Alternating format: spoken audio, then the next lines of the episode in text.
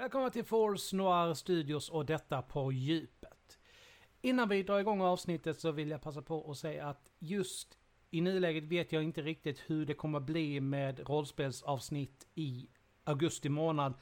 För folk är på semester och så vidare. Så att vi ska göra vad vi kan för att få till rollspelsavsnitt men just nu vågar jag inte lova någonting. Okej, vi kör. Det är dags att segla ut på djup djupet.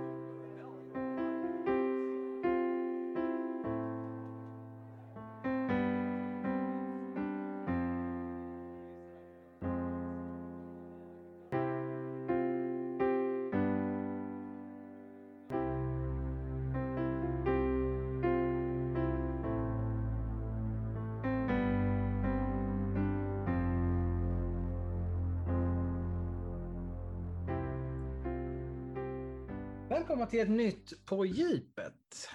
Idag så kommer vi att prata kön tillsammans med Sofia och allt vad det här med kön i vår tid faktiskt innebär. Det är ett ämne som är, man kan gå hur djupt som helst med. Men välkommen till På djupet Sofia. Tack så mycket. Allt bra idag hoppas jag? Det är bara bra. Här är det sol och eh, ja, härligt väder, så då blir man glad. Ja, Stockholm verkar ha kanonväder just nu. Fast det intressanta är att det skulle ju vara skitväder den här veckan tydligen, men det blåst tydligen förbi. Det ändrade sig i Eskilstuna också. Ja. Ja. Härligt. Så, vem är du? Eh, ja, jag eh, är ju 27 år gammal, eh, bor i Eskilstuna med min sambo och hund. Eh, jobbar som eh, verksamhetsledare på en ungdomsjour här i Eskilstuna. Så jag har eh, pluggat till eh, socionom. Kommer ursprungligen från Stockholm men flyttade hit när jag började plugga. Då.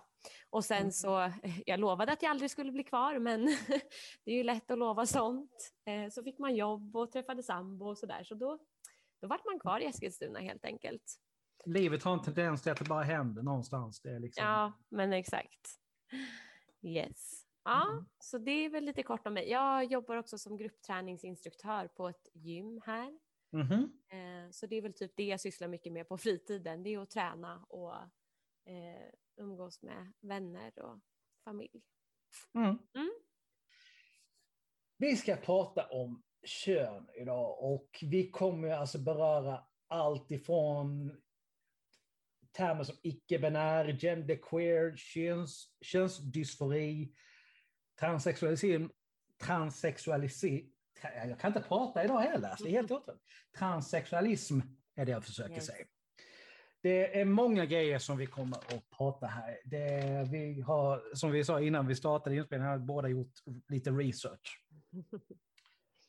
Men om vi då bara tar ett avstamp i det här med kön som rent biologiskt, om vi börjar där.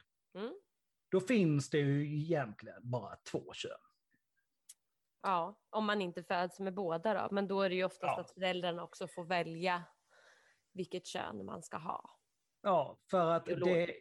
Ja. för att det vet man ju av erfarenhet att det ger, eh, kan ge ett psykologiskt trauma som inte är Mm. av denna värld. Och en, alltså det har ju, man, det går ju inte att säga att det är exakt det, det, det här, var, som gjorde det, men det har ju alltså varit tillfällen där det verkligen har blivit, uppstått multipla personligheter på grund av Mm. en sån grej. Mm. För att det inte togs tag i, så det är ju någonting som är väldigt viktigt. Mm. Och någonstans är det ju väldigt viktigt för hela ens personlighet, någonstans. Absolut, det är det Och- väl definitivt. Ja. Men om vi då pratar om så liksom, vad ser du då liksom på mm, i ditt jobb när det, när det gäller liksom helt, bara den biologiska biten, som sagt, varför vi ska börja någonstans? Ja, alltså det här är ju så himla knepigt för att jag, nu när jag satt och liksom funderade lite också på inför det här samtalet så kände jag verkligen att Alltså det finns ju, man kan ju säga att det finns som två olika delar. Alltså dels är det ju biologiska och dels är det det sociala. Mm. Eh, och ibland så, jag skrev liksom ner så här bara, ibland är det så jäkla viktigt att prata om kön. och ibland så är det så oviktigt. Alltså så här, det kan verkligen vara i vissa sammanhang så livsavgörande att prata om kön och i andra sammanhang så är det helt onödigt, det är helt icke-relevant. Liksom.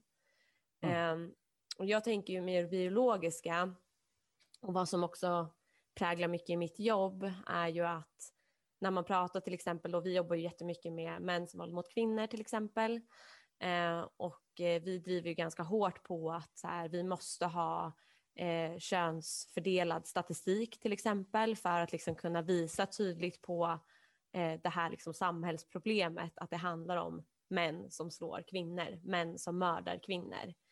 Eh, och eh, skulle man liksom då helt plötsligt sudda ut och säga att nej så här, det handlar om bara våld i nära relation och inte ha med den här könsuppdelningen och radera liksom all könsstatistik så skulle ju det vara förödande. För mitt arbete, eller liksom så här, mm. väldigt mycket bygger ju på det.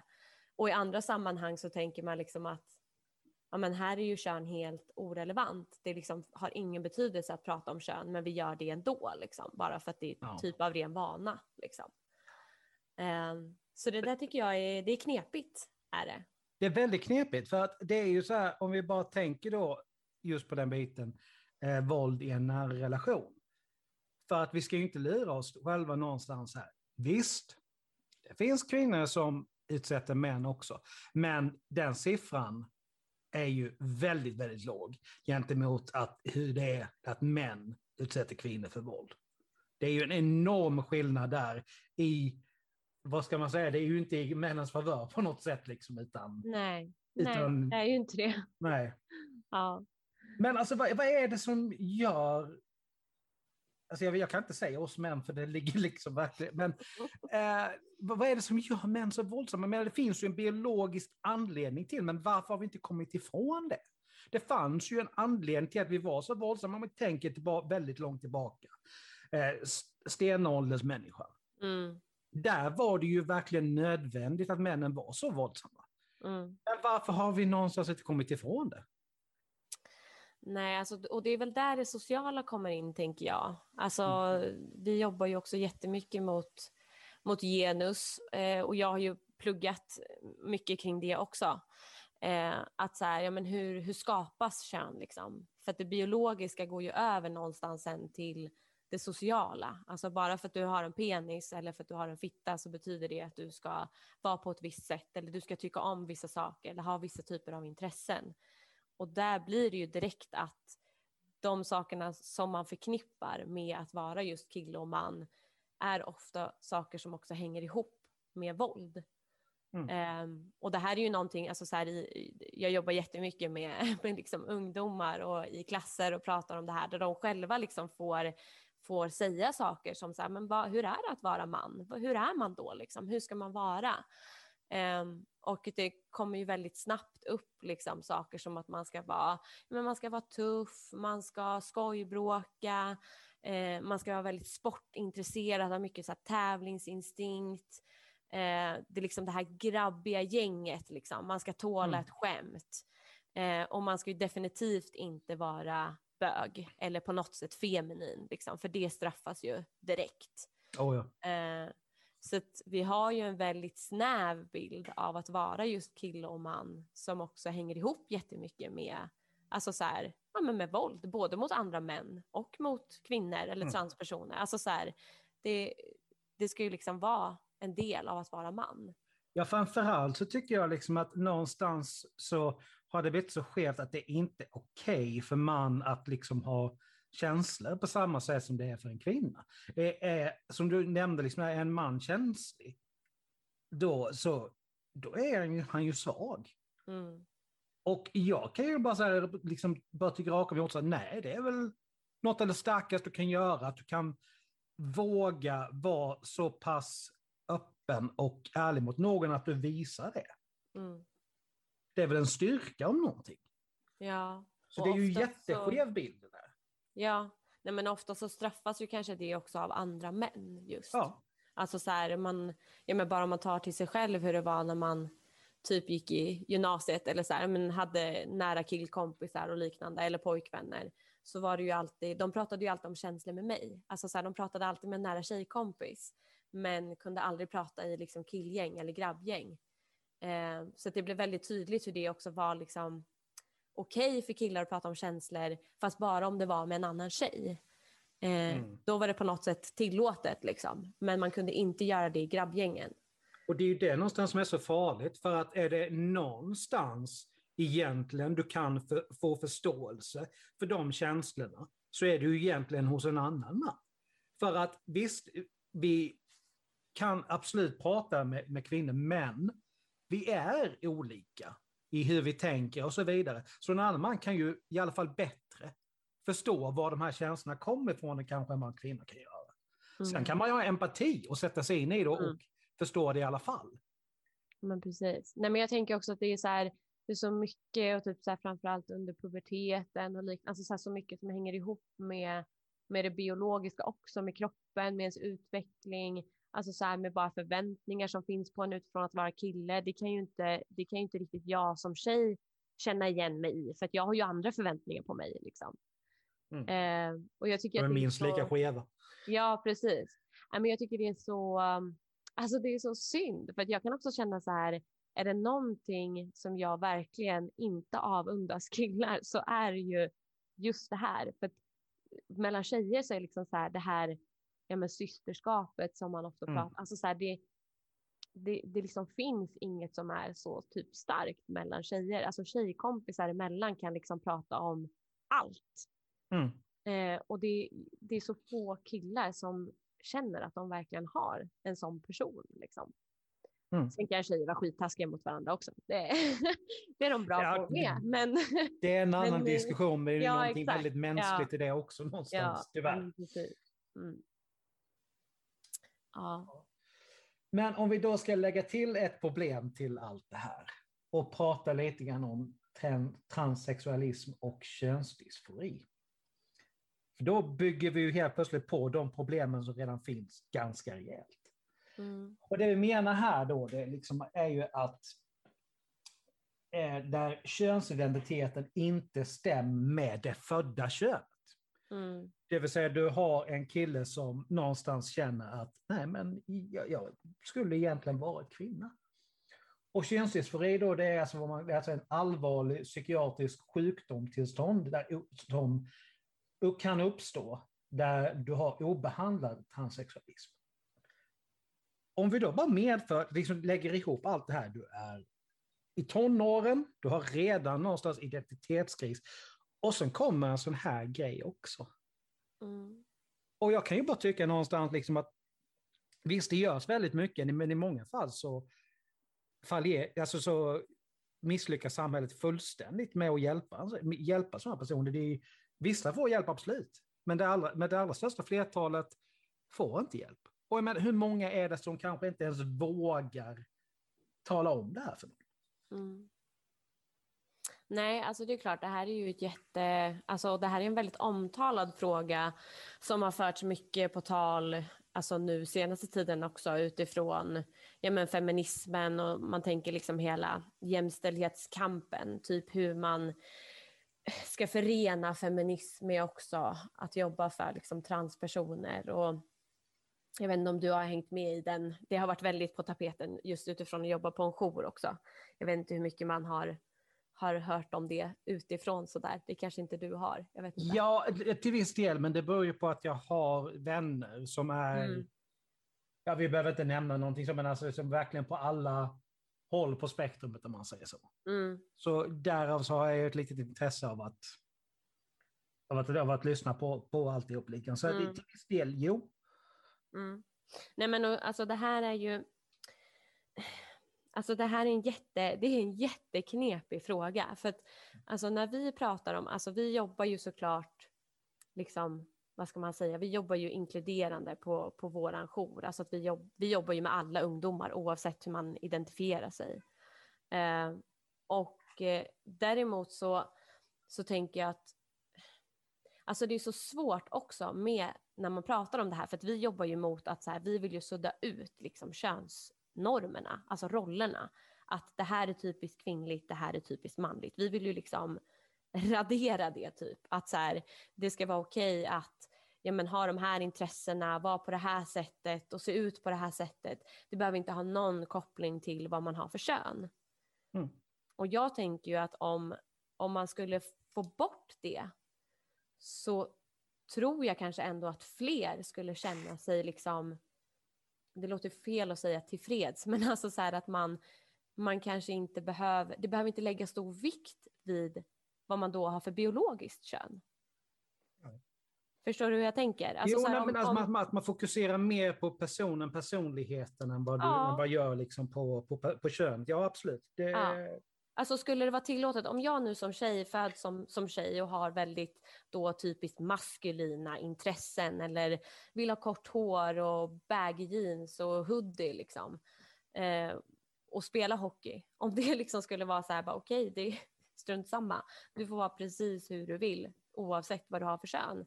Då tänker jag att man också så här inte skulle behöva känna samma behov av att delas upp i facken. Alltså så här, då skulle det inte vara lika viktigt med eh, vad man har för biologiskt kön eller liksom juridiskt kön. Förstår du vad jag menar? Mm. Jo, alltså i, i allt det här så kan jag bara känna någon så här, liksom att det hade varit så väldigt bra om fler hade varit liksom pansexuella egentligen. Då. Alltså det, en, en pansexuell person blir ju attraherad av en person oavsett vilket kön den har. Alltså Mm. den blir, den, den blir kär i personlighet.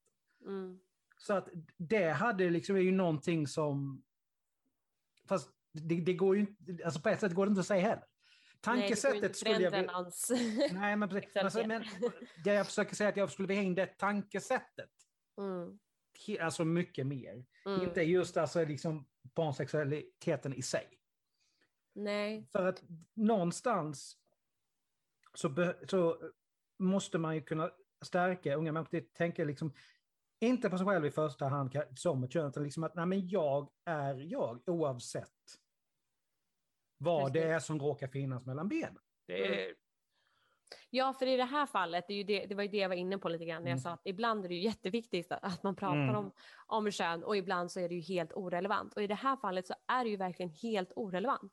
Alltså så här hur man vill vara, hur man, vad man vill ha för intressen, vad man vill göra för någonting. Alltså så här, det är ju helt, alltså det, det är ju ingen annan som påverkas av det eller vad man nu ska säga. Alltså så här, vad, vad jag vill ha för intressen och hur jag vill se ut och om jag vill sminka mig som kille eller om jag inte vill sminka mig som tjej. Alltså så här, allt det här är ju bara så här, det påverkar ju ingen annan, det skadar ingen annan. nej, det handlar egentligen bara om att man själv ska må bra. Ja men exakt. Och då blir det ju, då blir det inte heller så relevant vad, vad jag har för kön biologiskt. För att om man då skulle bredda att, så här, att vara kvinna, det kan vara allt. Att vara man, det kan vara allt. Då skulle det ju inte behöva liksom finnas, eller vad man nu ska säga, något, något annat. För det skulle vara så tillåtet, det skulle vara så öppet.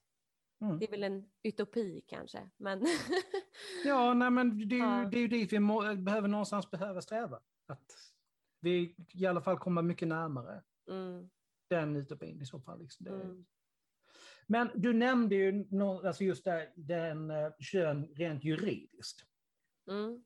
Tror du att det, liksom, att det juridiska synen på kön kan, hur ska man säga, liksom ställa till det lite grann för en ung person, om vi då säger att de inte känner att de är född rätt kön, men ändå då juridiskt är nästan då påtvingade ett, ett kön. Hur tror du att det liksom eventuellt ställer till saker? Finns det några fördelar med det? Ja men absolut, alltså vi är ju, jag vet inte om du har, jag, jag har hört någon så här, ja men lite så här förbifarten, någon liten teori om det, att så här, det första man tänker på när man ser en annan människa, det är ju vilket kön den har. Alltså så här, att det är det första man typ försöker klura ut. Så om någon inte tydligt visar vilket kön de tillhör så blir man lite så här, ja men undrar vad den där personen är för, är det en tjej eller kille? Och det här handlar ju liksom om ren biologi, alltså så att vi, ja men så här, vi är ju gjorda för att eh, fortplanta oss, alltså det Mm. djuriska i oss liksom. Ja. Så på ett sätt så är det ju inte konstigt att man tänker ganska mycket på kön, men sen behöver man väl fundera på varför och är det här ens viktigt liksom nu? Eh, nu fungerar vi ju inte riktigt på det sättet att vi måste liksom överleva på, för att genom, genom att fortplanta oss. Liksom. Utan vi Nej. överlever ju ändå. så här, alla fortplantar ju sig. Jo, för Eh. någonstans är det ju ändå ganska hårt genetiskt kodat att Ja, hur ska man uttrycka det? Nyckeln ska passa i nyckelhålet liksom, Ja, för att det ska precis. kunna hända någonting. och det, det jag skulle komma till då, alltså det här med, med juridiska könet, att om det då står att man är liksom, ja men, om man säger att man nu är född liksom tjej då, eh, och man ska till, ja, men till sjukhuset eller ja, men någonstans där man behöver uppge personnummer eller där det liksom kommer framkomma, man behöver kryssa i en box vilket kön man tillhör och så vidare och så vidare. Då blir det ju ofta kanske en reaktion från omgivningen om det yttre då inte passar ihop med det man kryssar i eller det man uppger, alltså det juridiska. Det blir helt plötsligt något så här, då blir man nästan lite ställd och bara så här, jaha, oj, hur funkar det här typ? Eh, och vi skulle ju behöva ha oändligt med boxar eh, och kryssa i och fylla i om man nu ska motsvara hur andra liksom definierar sig eller hur man definierar sig. Eh, Men då på tal om just den här boxen, för någonting som har dykt upp mer och mer har jag märkt är ju den här boxen där det står annat. mm, Jag kan ju rent spontant känna att den ställer till mer än vad den hjälper. Ja, alltså det är ju just det som blir så knepigt för att hur många boxar ska vi ha? Eller så här, alltså Mm. förstå, det, eh, det är väl klart att man skulle vilja fylla så att alla känner att det finns någonting som passar mig. Eh, men rent liksom så här praktiskt, hur, hur ska det funka? Alltså det, det, det kanske låter jättekonstigt. Eller så kanske man bara ska ha att man får fylla i själv. Man kanske inte ens behöver ha en box. Det kanske bara ska stå, fyll i själv vad du. Ja, eller boxen för annat och sen då liksom om annat så får du skriva Mm, själv liksom under. Det, Ja. det hade nog underlättat jättemycket. ja. Men det är det, här jag, det är det här jag menar också kan bli lite knepigt.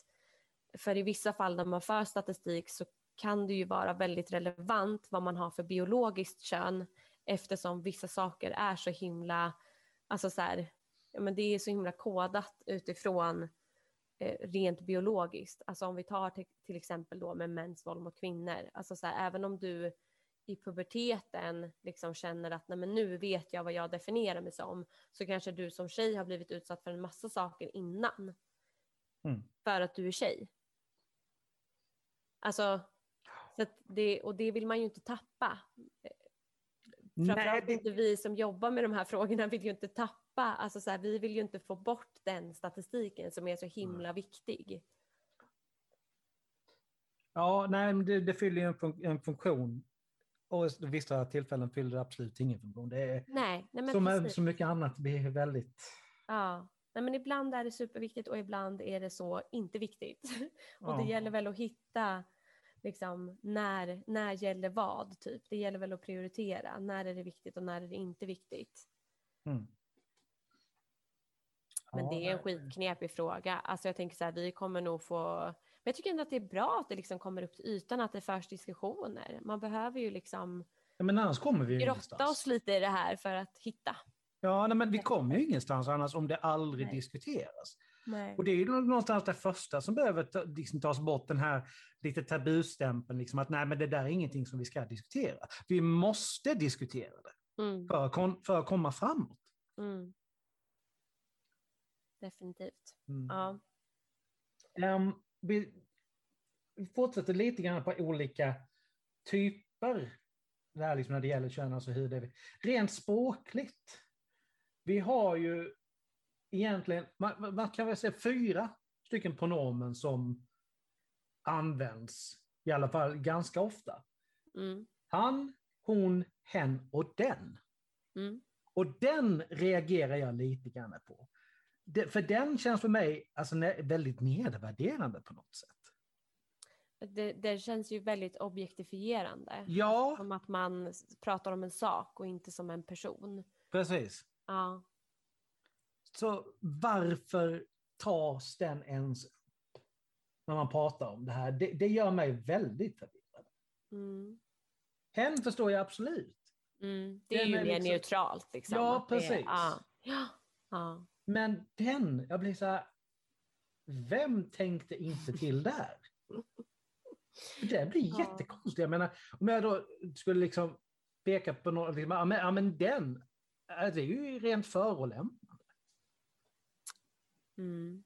Ja, alltså jag är nog beredd att hålla med dig där, men jag tycker också att det är jätteknepigt när någon säger att de faktiskt vill bli kallade för det. Ja. Då, alltså vem är jag och, och säga då att så här, nej, det får du inte bli.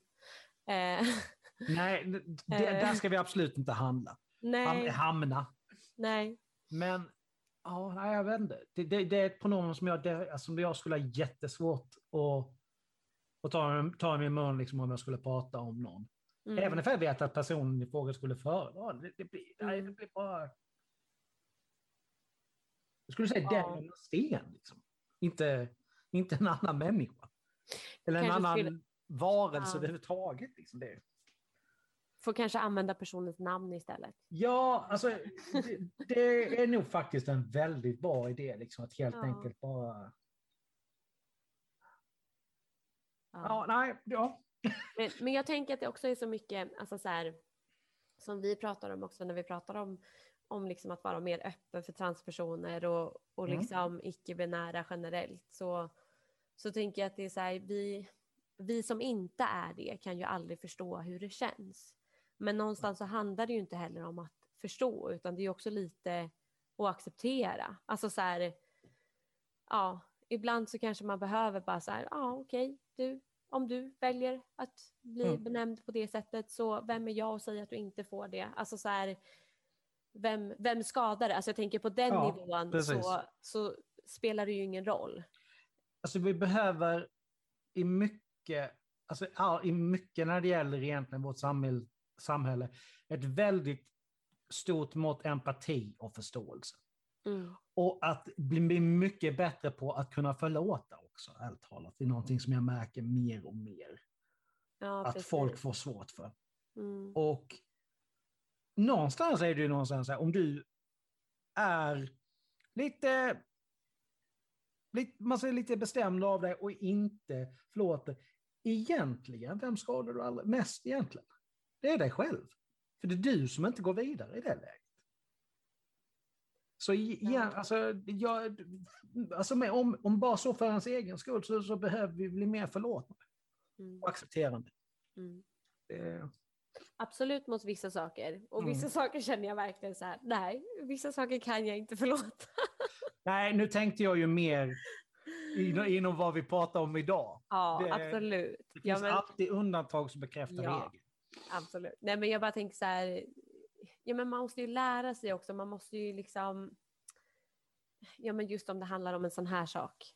Alltså så här, man får kanske vara lite tillåtande med att alla faktiskt inte kan, kanske vet allting eller har läst om allting eller är lika Mm. insatta i allting som handlar om, om kön och uppfattningen om kön.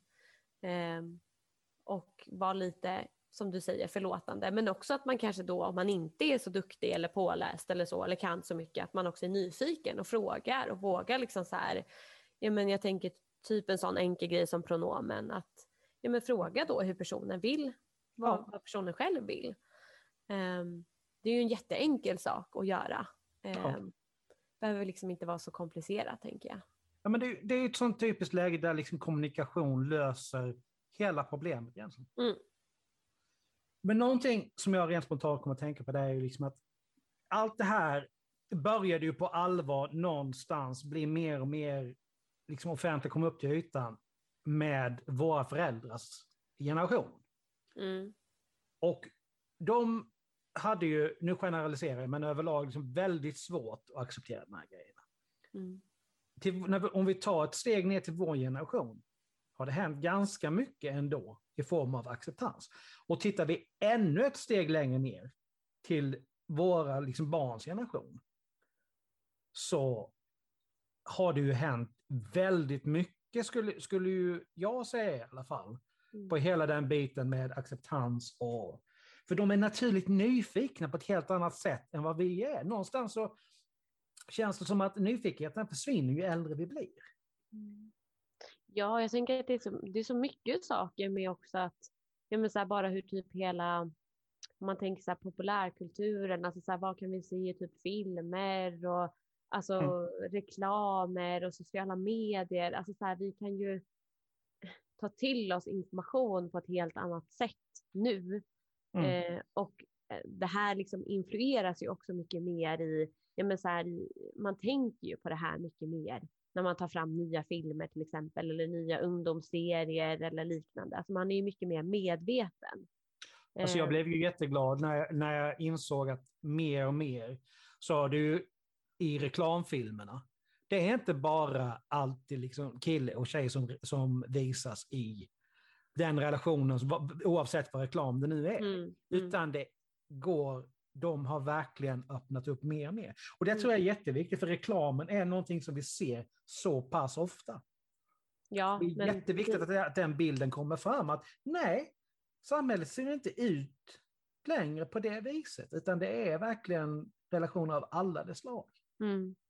Ja, men relationer och identitet också tänker jag är Ja. mycket mer tillåtande och öppet liksom för att eh, ja, men bara mer inkluderande liksom. Mm. Eh, så det tycker jag absolut.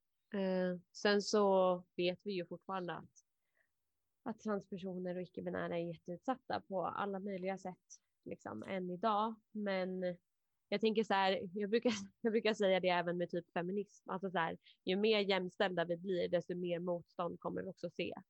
Så ju Ja. mer inkluderande vi blir, desto mer motstånd kommer vi också se. För att det är ju när folk blir rädda för att någonting ska ta över, att någonting ska lyckas, det är ju då de också höjer sin röst och säger vad de tycker. Ehm, Så det är ju lite också så här att ja, vi jobbar alltid mot motstånd, men det visar ju också att vi faktiskt har en, en kraft eller liksom att vi att det betyder någonting. Men det är ju någonting som jag kan tycka rent spontant är väldigt vuxet. Det här liksom att den här rädslan kommer för någonting som man inte förstår. Det fanns ju en liknande de- debatt på 80-talet när det gällde eh, rollspel och, och, eh, och live, levande rollspel. Mm. De vuxna förstod inte vad det var deras barn höll på med. Blev jätterädda och skulle förbjuda precis allting. Mm. Så Ja. det, är- det, är- det är tyvärr någonting väldigt vuxet det där att bli, bli rädd på det viset. Mm. Ja. För att du ser ju inte det hos alltså, barn på det viset. De blir ju tvärtom liksom nyfikna. Åh, vad är det han gör? Är det, skulle, det, skulle jag tycka det var kul? Och vill Ja, utforska alltså- det istället. Liksom. Det, Ja. Jag tänker yngre barn, absolut, där kan jag hålla med. Men tonåren är nog knepigare. Alltså där, speciellt Eh, jag som är ute mycket och träffar klasser, alltså det, det är så mycket homofobi, transfobi, alltså sexism, det är liksom så här rasism. Det är supervanligt även hos unga. Och det kommer ju säkert från alla möjliga håll och kanter. Men eh, ja, alltså yngre barn, absolut. Men Mm. jag tror att det även kommer i tonåren mycket. När någon skiljer sig eller liksom någon bryter mot normen. Eh, upplever jag i alla fall att det börjar jo, där. men absolut. Men då, då, där är ju också, det, det är det som, där är du ju någonstans ena foten kvar som barn och andra foten Mm, i det är vuxenvärlden. vågskålen. Ja, precis. Och det är ju det är ju Ja. någonstans där det blir så viktigt att, att liksom göra det du gör så fall, att ut liksom och föreläsa och prata med dem. För att Ja. det finns fortfarande en väldigt bra chans att i brist, i brist på bättre ord, att rädda dem. Mm. Ja, det är ju det, är- det, det är därför jag tycker om att jobba med unga också. Det finns en stor liksom, förändringspotential. De har mycket kvar av sitt liv. Ja. ja, mycket som går att förändra. Ja, men det alltså, det är ju inte så konstigt. Alltså, ju äldre vi blir, desto mer stagnerar vi, desto mer Mm. set in our ways blir Ja, precis. Och det är svårt att bryta va- vanor. Det, Mm. kan, det, det visar ju vilken forskning som helst. Mm. Så det, Ja.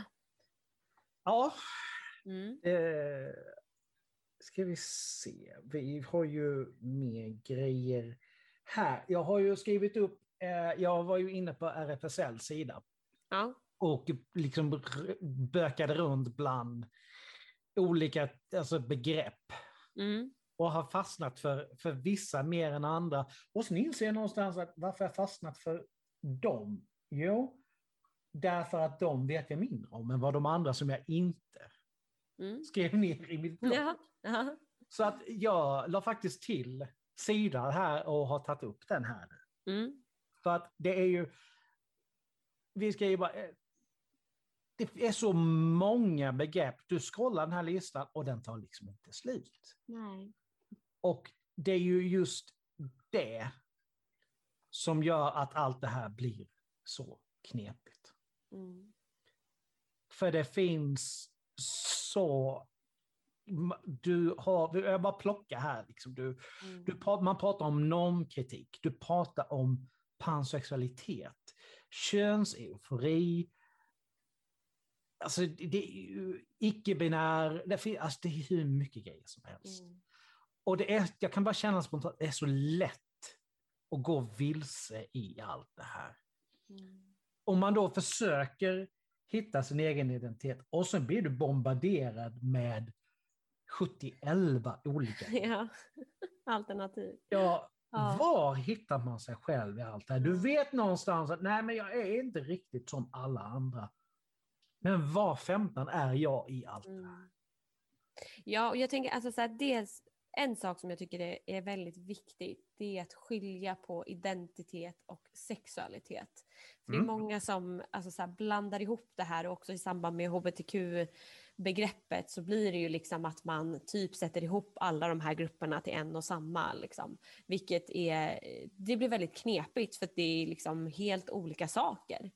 Ehm, det är jättebra att alltså, så här, hbtq-begreppet finns för det har ju verkligen liksom höjt liksom, de personernas röster och att liksom, så här, ja, men stå enade i den kampen. Men jag tänker att ja, det är viktigt att man pratar om olika saker, liksom, att man inte slänger ihop sexualitet med identitet för det är helt olika grejer.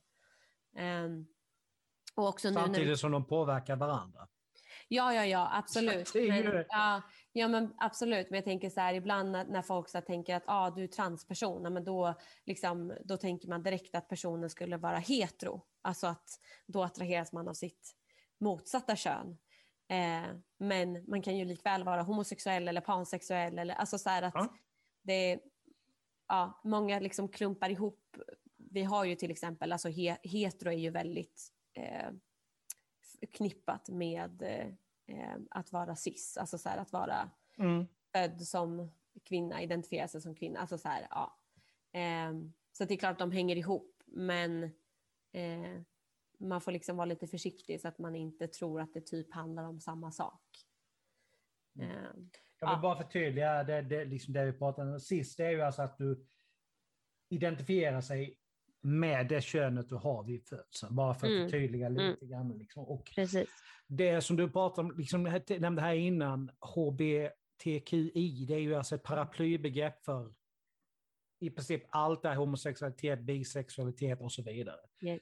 Det är ju bara Det är bra att du förtydligar Alexander. Ja, nej, men jag, jag sitter ju ändå med, med grejerna. Så det är Ja, men jag är så van vid att prata om det här och typ anta att alla vet vad man pratar om. Men det är jättebra att du förtydligar. Eh, nej, men det jag skulle komma till också med när du sa så här att hur ska man veta liksom vad man ja, men vad man har liksom för identitet och vem man är och, och så när man också framförallt i tonåren tänker jag kämpar jättemycket med identitet redan där liksom eh, Mm. och hitta sig själv. Eh, och det här är ju Alltså det här är ju jätteknepigt. Eh, för jag har ju också jag har ju jobbat inom socialtjänsten tidigare eh, och har ju träffat unga, eh, framförallt ungdomar liksom i tonåren, som har varit med om, eh, ja, man kan ju knappt tänka sig vad det finns för liksom, hemska förhållanden för barn. Eh, men liksom våld i hemmet, missbruk, ja, men drogproblematik hos föräldrar, you name it. Liksom. Det behöver inte vara kopplat till, till just barnen eller riktat mot barnen, utan mer liksom bara generellt. Att man har liksom inte en trygg hemmamiljö. Eh, och det är ju inte heller ovanligt att de här barnen sen när de blir lite äldre eller liksom kommer upp i tonåren eh, faktiskt liksom, ja, men kommer ut då som till exempel transperson eller icke-binär eller så vidare.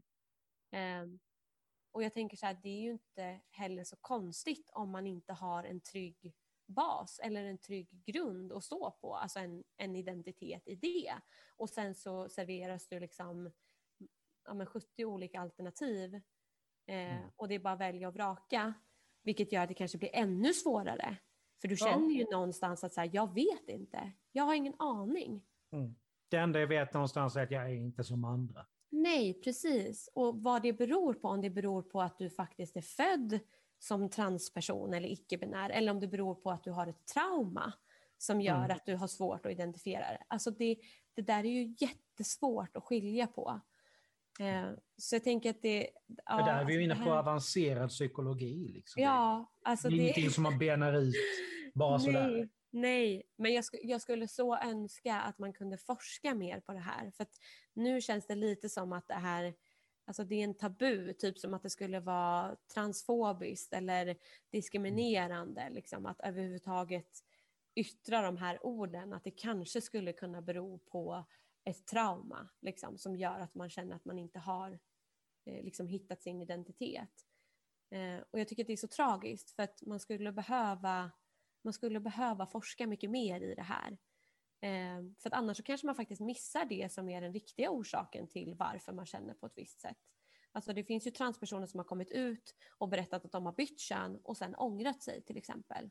Nu är inte det Mm. kanske jättemånga, men fortfarande. Alltså så här, man vill ju inte missa de personerna som kanske då har levt i ett liksom missöde och lever med ett trauma. Eh, och sen så får inte de den liksom stöd och hjälp som de faktiskt behöver för det. Eh, Så det, ja, det är en jätte, det är en jätteknepig situation tycker jag. Mm. Eh, Ja, Ja, det är ju... Ja, ja, ja. ja. Jag vet inte spontant vad jag ska säga. Det, du, du har ju du har helt rätt. Det, oj. Ja, jag Ja. kanske får bli forskare och Ja. ta det här projektet. Ja. Ja. Ja, Om det nu är någon som forskar i det här som skulle känna att ni vill höra av er till podden så eh, finns mejlen i slutet av avsnittet så ni kan höra av er. Vi tar gärna emot eh, mer, eh, mer fakta kring det här, helt klart. Mm. Mm. Um, någonting som dök upp när jag satt och eh, tittade på allt det här, det var ju könstillhörighetslagen. Mm. Den kom ju till 1972 och det som det gäller, det handlar ju om två saker först och främst. Transpersoners möjlighet till underlivskirurgi och att ändra juridiskt kön. Då är vi tillbaka lite grann på Mm. det här med juridiskt som vi Mm. pratade om. Men det, anledningen till att det dök upp är ju det liksom att eh, den här eh, artikeln jag tittade på publicerades 2021 01 15, det vill säga den är helt ny Mm. i princip. Mm. Mm. Och där står det ju att man behöver förändra den här lagen. Mm. Hur det ser ut idag är ju att idag är det åldersgräns på 18 år för att juridiskt ändra kön och eller få eh, underlivskirurgi. Mm. Hur RFSL vill att det här ska se ut är ju följande då. En som handlar om juridiskt kön och en annan som handlar om ingrepp i könsorganen. Mm. Varför behöver vi dela upp den här lagen på det viset? Alltså jag, jag tänker ju att det kanske blir det här ja, men som jag var inne på, att om, om man tar nu att man är i tonåren och kanske ja, men känner att man inte man, man är liksom osäker på sin identitet, man vet inte, man försöker hitta samtidigt som man liksom försöker hitta sig själv i alla andra frågor som, som händer kring puberteten och tonåren. Eh, då tänker jag att man kanske ändå skulle tycka att det var skönt att man kan byta alltså, kön rent juridiskt eller liksom, ja, eh, för att kanske slippa de här frågorna eller slippa att man eh, liksom alltid får höra jaha du är trans eller ja du har bytt eller ja liksom hela den här raddan. Eh, och samtidigt så finns det ju också möjlighet då att verkligen ja, men, vara säker innan man gör ett, en könskorrigering för det går ju inte att ta tillbaka. Nej, det är ju enklare i så fall att juridiskt ändra. Precis. Bara det finns underlag för det så Mm. är det ju mycket enklare i så fall. Mm. Ja. Så jag tror väl kanske ändå på den, alltså att för många byter ju, alltså vad man nu ska säga, många byter ju kön rent socialt mycket tidigare. Alltså så här Mm. att man kanske börjar klä sig på ett annat sätt eller eh, ja, men utseendemässigt liksom visar att man är, om man då till exempel identifierar sig just som kille till exempel, så kanske man eh, klär sig mer som en kille eller eh, ja, men, så. Eh, så det kan man ju göra mycket tidigare och det har ju liksom ingen roll. Det kan man ju alltid, man kan alltid byta tillbaka, man kan alltid ändra sig, man kan vara någonting mitt emellan. Alltså, eh, men rent biologiskt eller liksom fysiskt så kan man ju inte ta tillbaka en könskorrigering. Eh, så där behöver man ju liksom vara väldigt säker. Och det är ju en Mm. hel, det är ju inte enkelt, det är ju en hel process och det tar Ja. ju jättelång tid. Och, Det är hormonbehandling och... Ja, ja, ja, ja. Så det är ju ingenting som man heller bara gör över en dag sådär, att man bara bestämmer sig för att nu ska jag byta kön. Liksom. Ja, Så jag tänkte på det du sa, liksom att det inte går att ändra tillbaka. Alltså, jag kan vara helt fel ute här, nu ska jag säga. Stor disclaimer här med en gång innan jag fortsätter. Men att jag har hört någonstans att det går att ändra tillbaka på ena hållet men inte på andra. Jag vet inte hur pass sant det där är. jag tror också, när jag säger så så tänker jag mest på sterilisering också. Mm. Ehm, att jag, jag tror att det är, eh, alltså har du väl bytt, nu, tidigare så steriliserade man ju eh, personer som bytte kön. Eh, och det gör man ju inte längre, utan nu kan Okej, man det visste fortfarande bli Det visste Ja. Okej. Nej. Så eh, man tvångssteriliserade ju transpersoner. Eh, jag kommer faktiskt inte ihåg när det ändrades, men det är inte så jättenyligen det eh, gick igenom. Eh, att man inte Fan. skulle göra det. Ja. Så Ja. att jag tror att det har med det att göra. Eh, att då riskerar du att bli steriliserad. Eh, om du liksom byter för många gånger, eller vad man nu ska säga. Ja. ja. Ja. Nej, men alltså, det, jag bara, det, för att det förändrar ju en del faktiskt helt plötsligt. Mm. Om det är så att, att man inte steriliserar längre. Det är ju... Mm. Huh, ja. Nej, Mm. eh, nej, men då fick vi li- lite klarhet i det. Har du någonting mer som du vill ta upp innan vi avrundar? Tyvärr måste vi göra det snart. Ja, eh, gud tiden bara flög iväg. Ja, Nej, men alltså, nu, har vi, nu har vi ju pratat supermycket om eh, sociala, alltså det sociala könet och liksom Mm. identitet och sånt där. Men jag är jättenyfiken Alex, också för Mm. att du är kille och jag är tjej. Mm. Eh, så eh, rent biologiskt nu då, om man tänker lite så här, har du någon, någon myt om ditt kön som du har fått höra? Oj, den var bra. Uh, alltså det är väl mer de sociala grejerna då, för, liksom, exempelvis som att en kille ska inte gråta. Mm, Det, är ju, alltså, det handlar ju mer om på det viset. mm. Men nu tänkte jag rent biologiskt, om du har någon myt. Nej, inte så där på... Inte vad jag vet i alla fall. Nej. Det är bara att man sitter på någonting som man inte vet är. Liksom, Ja, jag har ju en ganska bra myt om, ja, om, om er, höll jag på att säga. Men Ja. eh, ja, att stor kuk skulle vara lika med bra sex till exempel, är väl ändå myt. ja, jo men okej, då är jag med på Mm. det. Ja, jo, den har man väl... Den har man väl hört. Men det beror ju också på vad du menar med stor. Ja, men allt är ju relativt. Ja, men för att någonstans har man ju... Har man har ju nej, för att det, det var, jag vet inte varför jag vet det här egentligen, men jag har massor sådär halvt meningslöst vetande, men att det handlar ju inte om längden på samma sätt som det gör på omkretsen. Ja. Nej, nej, så kan det också vara. Men Ja. eh, ja, jag bara... det, jag, där finns det tydligen viss betydelse. Finns det inte så stor omkrets, det blir ju, alltså, men det är ju, det är ganska lågt, så då blir det ju inte friktion på samma sätt och då blir det ju inte lika njutningsfullt någonstans. nej, nej. Men det här bygger ju också på idén om att eh, man pratar om penetrerande sex. Man kan ju Ja. ha andra typer av sex också som inte behöver involvera. Ja, nej, men det pratade vi om Ja. ett annat, annat eh, Ja. avsnitt. Liksom, att du har så jädra my- du har ju en arsenal Ja. du kan använda, men det glöms bort. Ja. Fullständigt. Mm. Ja, nej men kul. Jag tänkte, myten som jag har hört, som du Mm. säkert också har hört om, om kvinnan, är ju mödomshinnan till exempel. Att det skulle finnas en hinna inne i kvinnans lida som går sönder när hon har sex första gången. Men alltså det där är ju ganska intressant för att jag vill ju minnas att det är ju verkligen någonting som man pratade om Ja, i vad hade vi det första gången? Sjätte Ja. klass Ja, någonstans. biologi. Och där det liksom, där just det nämns. Som de Yes. så här fullständigt raserar när du kommer upp Ja. alltså, på, på högstadiet. Liksom Exakt. Det är inte riktigt så där det funkar egentligen. Och man Nej. sitter där som ett jävla får och bara, va? Gör Mm. det inte? Nej men då också så här att man skulle kunna då kolla om en tjej är oskuld eller inte beroende på om den här mödomshinnan har gått sönder eller inte. Och så, där. Ja. så det är väl en jättestor myt som har funnits.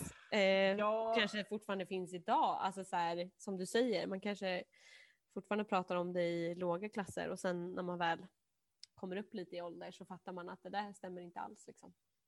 jag fattar inte riktigt varför man ska alltså, ja, dra folk vid näsan på det viset, eller hur man ska uttrycka det. Nej. Men alltså någonting också som jag som dyker upp i huvudet på mig, det här liksom en gång är ju hur man har hört talas om alltså kvinnor som har, alltså i vissa fall under tvång, i andra liksom fall frivilligt, så att säga opererat sig så att det ska verka som att den här mödomshinnan finns kvar. Ah. Mm. Och jag, alltså när, första gången jag hörde det där, alltså jag, jag visste Mm. inte vad jag skulle säga. Det kändes så jävla hemskt någonstans Mm. att någon skulle gå till sådana, alltså, en, alltså grejer bara för att vara någon annan till lag. Det Mm. blir liksom, Ja, nu kommer vi in på en helt annan diskussion. Nu kan vi Ja. prata om hur män kontrollerar kvinnors sexualitet. Och jo, nej, men det, det är liksom det som dyker upp i huvudet på mig, tyvärr. Ja. Ja, Nej, men absolut. Det, det, man kan prata mycket mer om det här. Jag tyckte bara det var lite kul att höra vad, Mm. eh, just utifrån det biologiska, liksom, Ja. vad man får höra för, för knäppa grejer egentligen och vad man tvingas leva upp till, tror man. Ja, Ja. någonting så här liksom som är liksom jag tycker är intressant är ju faktiskt hur killars tendens till att överdriva väldigt mycket i tonåren. Ja, men det var ju någon som, som, som alltså det, var, det är ett skämt, men det roliga är ju någonstans, det finns tyvärr någonstans lite grann en liten sanning är det. Att Ja. det var någon som sa, nej men det är ju för att många killar tror att 10 centimeter är så här mycket och man jag vet, inte, första gången jag höll på att dö samtidigt någonstans som jag höll på, som jag inser allvaret i det. Liksom. Ja, Men precis. det är liksom, ja. Jag brukar alltid dra det när jag pratar om sex ute på, på skolorna och sådär. Så brukar jag fråga det. Hur, hur lång tror ni att en, alltså så här, vad är medellängden på en penis i Sverige? Mm. och då alla gissar typ på så här 15, 16, 17 kanske så här. Och jag bara, nej det är 13 ungefär. Då ligger vi ändå bättre till i Sverige än vad man exempelvis gör i England. Ja, exakt. Så, Så, det, ja. Men de vill alltid tro väldigt högt. mm. ja. Men alltså bara när vi är där, liksom, det är ju som jag vet, du har ju en hel arsenal annat man kan använda just inte bara penetrerande sex. Du har fingrar, du har läppar, du har tunga. Alltså det finns så mycket du kan göra. Men så herregud, du kan, alltså på rätt sätt kan du blåsa på någon och få en helt fantastisk reaktion. Ja. Mm, Så ja, vi- använd man har ju, fantasin. Ja, man har ju erogena zoner överallt. Ja. Liksom. Ja, det, det finns ju såna här jätteintressanta som verkligen bara liksom är jättepersonliga. Mm. Så att det är ju... Jag menar, utforska det. Det finns mycket, mycket kul att hitta där. Mm, exakt. Mm. Ja, det här vart ju det här vart en liten inflik här innan vi avslutar. Ja, Ja. tack ska du ha för att du ville vara med. Det blir Ja, jättebra tack samtal. Eh, var är vi någonstans när det här kommer ut? Vi är i juli månad är vi, ska vi vara nu när det här kommer. Mm. Så att eh, lite, ni som har lyssnat, hoppas att ni lärt er någonting så här under sommaren. Eh, vi hörs igen under, eh, om en månad, för vi tar inte sommaruppehåll här i Force Noir Studios, utan vi kör på hela sommaren och tar jul nyårssemester istället. Som sagt, tack igen för att du ville vara med. Och Tack. eh, vi hörs igen om en månad. Ta hand om er. Hej!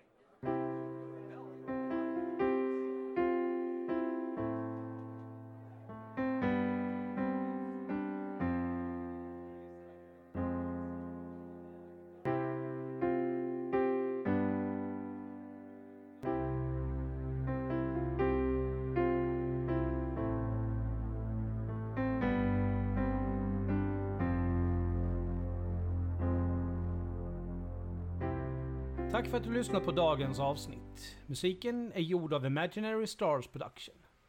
Följ oss på sociala medier. Vi finns på Facebook, Force Noir Studios, Twitter, at Studios Noir, Instagram, Force Noir Studios, som ett ord.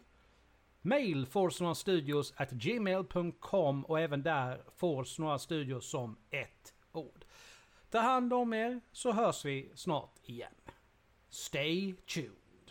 Thank you.